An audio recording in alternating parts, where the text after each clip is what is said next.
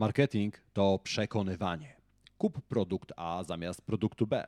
Kup abonament na rok zamiast na miesiąc. Wybierz mnie zamiast konkurencji. Marketing to sztuka wywierania wpływu na decyzje, a więc perswazja. Ten odcinek podcastu otwiera serię odcinków o filarach perswazji. Ile jest takich filarów? Pięć. A dziś porozmawiamy o pierwszym, czyli o łatwości. Zaczynajmy. To jest podcast Marketing z głową.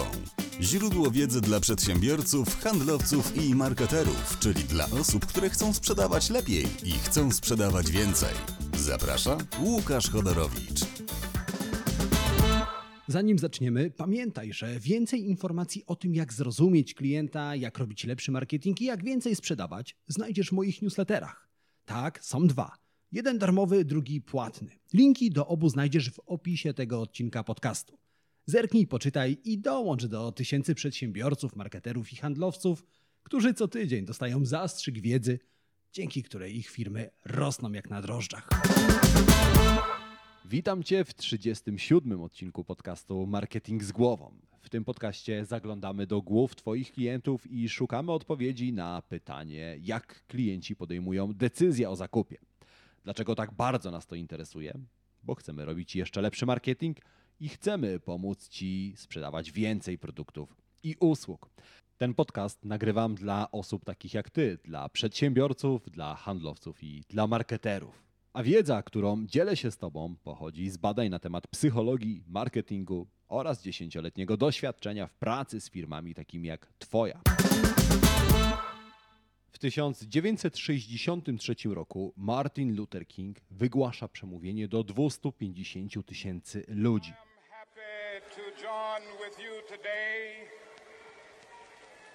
In what will go down in history as the greatest demonstration for freedom in the history of our nation.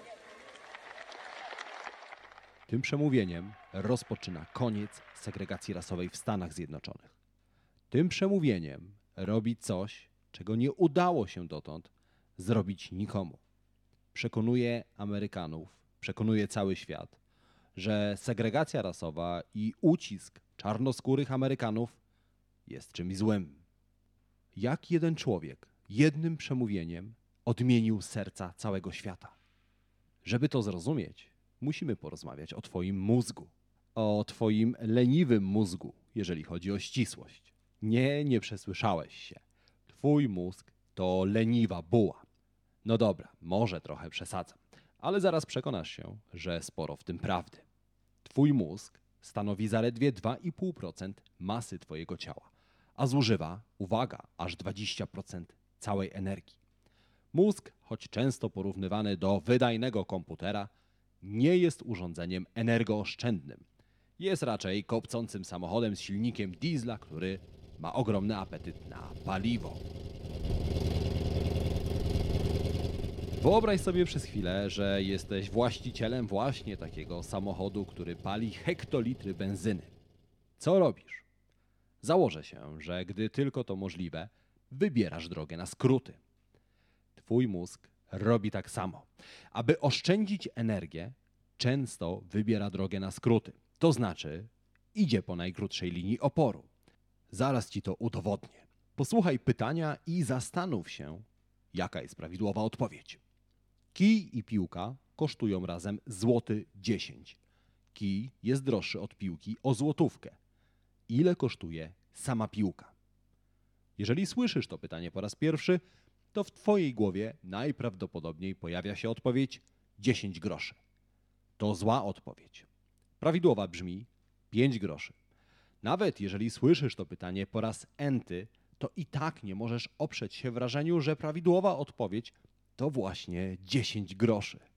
Póki co, uwierz mi na słowo, że prawidłowa odpowiedź to 5 groszy. Obliczenia zrobisz sobie za chwilę sam na kartce.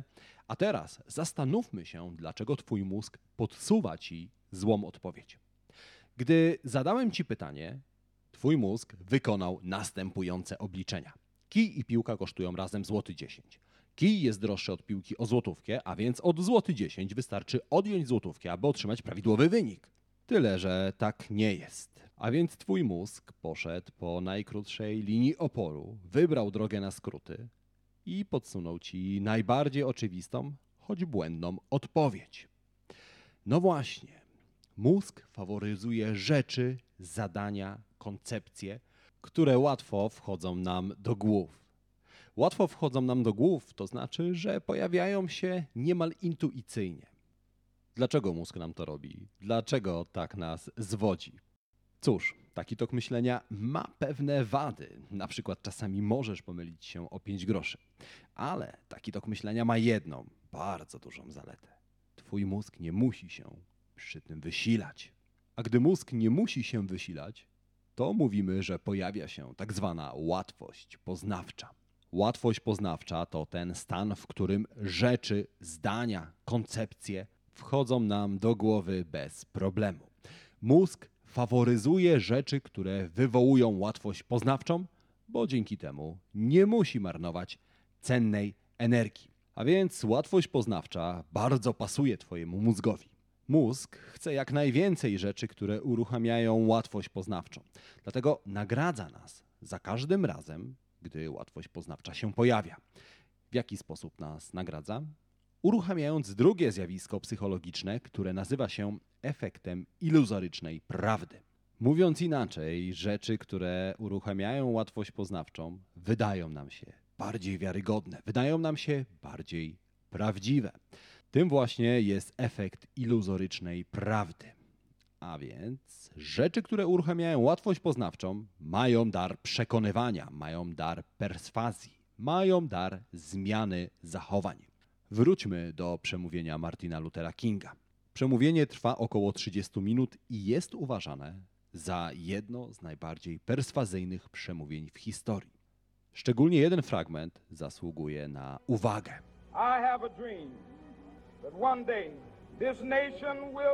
Mam sen, że pewnego dnia ten naród powstanie. Mam sen, że pewnego dnia synowie dawnych niewolników i synowie dawnych właścicieli niewolników będą mogli zasiąść razem przy braterskim stole.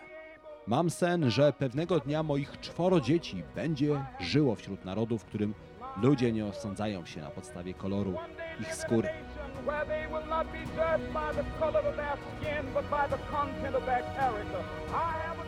Słowa mam sen powtarzają się kilkukrotnie w całym przemówieniu.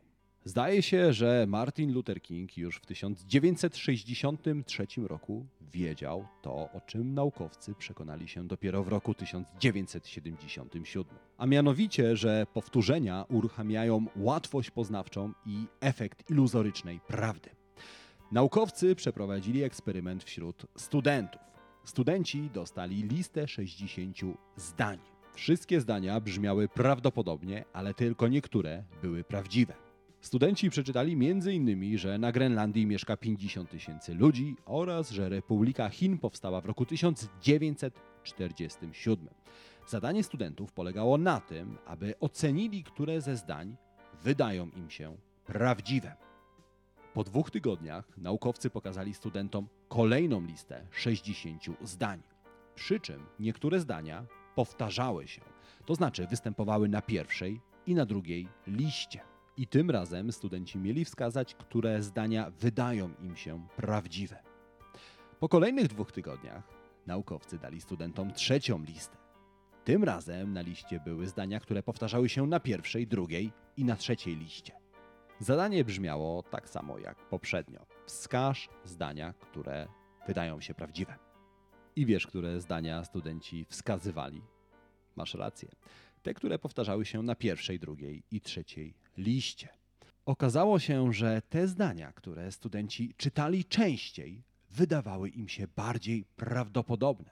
Jeszcze do niedawna naukowcy sądzili, że powtórzenia uwiarygodniają te tezy, te zdania, co do których nie mamy stuprocentowej pewności. Natomiast eksperyment z 2015 roku udowodnił, że to, co wiesz, nie ma żadnego znaczenia. Czy wiesz, jak nazywa się tradycyjny szkocki męski strój? Tak, ta śmieszna suknia w kratę. To kitl. Ale czy jesteś tego na 100% pewien? Uczestnicy wspomnianego badania byli pewni na 100%. A jednak naukowcy przy pomocy powtórzeń Przekonali ich, że tradycyjny szkocki strój nazywa się sati. A więc powtórzenia działają nawet na tych najbardziej przekonanych. Dlatego o produktach warto opowiadać używając powtórzeń. Jeżeli sprzedajesz na przykład rękawice bokserskie, to mów o nich w ten sposób. Nasze rękawice to moc. Moc, którą poczujesz, moc, którą poczuje twój przeciwnik, moc, która daje zwycięstwo. No ale nie tylko powtórzenia łatwo wchodzą nam do głowy i uruchamiają efekt iluzorycznej prawdy. Tą moc mają również rymy. Posłuchaj dwóch przysłów i zastanów się, które z nich wydaje ci się bardziej odpowiednie. Bez ciekawości nie ma wiedzy, czy bez ciekawości nie ma mądrości. To drugie, mam rację? No właśnie. Rymy wchodzą nam do głowy równie łatwo jak powtórzenia, i to właśnie dlatego rymy wydają się bardziej wiarygodne. O tym, jak bardzo wiarygodne, przekonali się widzowie procesu stulecia w Stanach Zjednoczonych. W roku 1995 O.J. Simpson, były futbolista, został oskarżony o zabójstwo żony i jej przyjaciela. Wszystkie dowody świadczyły przeciwko Simpsonowi. Ślady krwi, to, że O.J. nie miał alibi, to, że od dłuższego czasu nie układało mu się z żoną. Werdykt zdawał się z góry przesądzony. A jednak dzięki mistrzowskiemu zagraniu adwokatów sąd uniewinnił O.J. Simpsona. Jednym z dowodów w sprawie była rękawiczka znaleziona na miejscu zbrodni. Rękawiczka, która według oskarżycieli należała do sprawcy, czyli samego O.J. Simpsona. Jednak rękawiczka nie pasowała na dłonie Simpsona. Podczas końcowej mowy adwokat wypowiada zdanie, które przechodzi do historii amerykańskiego sądownictwa. If it doesn't fit, you must acquit. Co w tłumaczeniu na język polski oznacza: jeśli nie pasuje, musisz uniewinnić. Wszyscy wiemy, że końcowe mowy oskarżycieli i obrońców w amerykańskim sądzie mają decydujące znaczenie. Kilka tygodni później ława przysięgłych ogłosiła wyrok. We, the jury, in the above entitled action, find the defendant Orenthal James Simpson not guilty of the crime of murder in violation of Penal Code Section 187A, a felony upon Nicole Brown Simpson, a human being, as charged in count one Niewinny. No właśnie, rymy łatwo wchodzą nam do głowy i wydają nam się wiarygodne.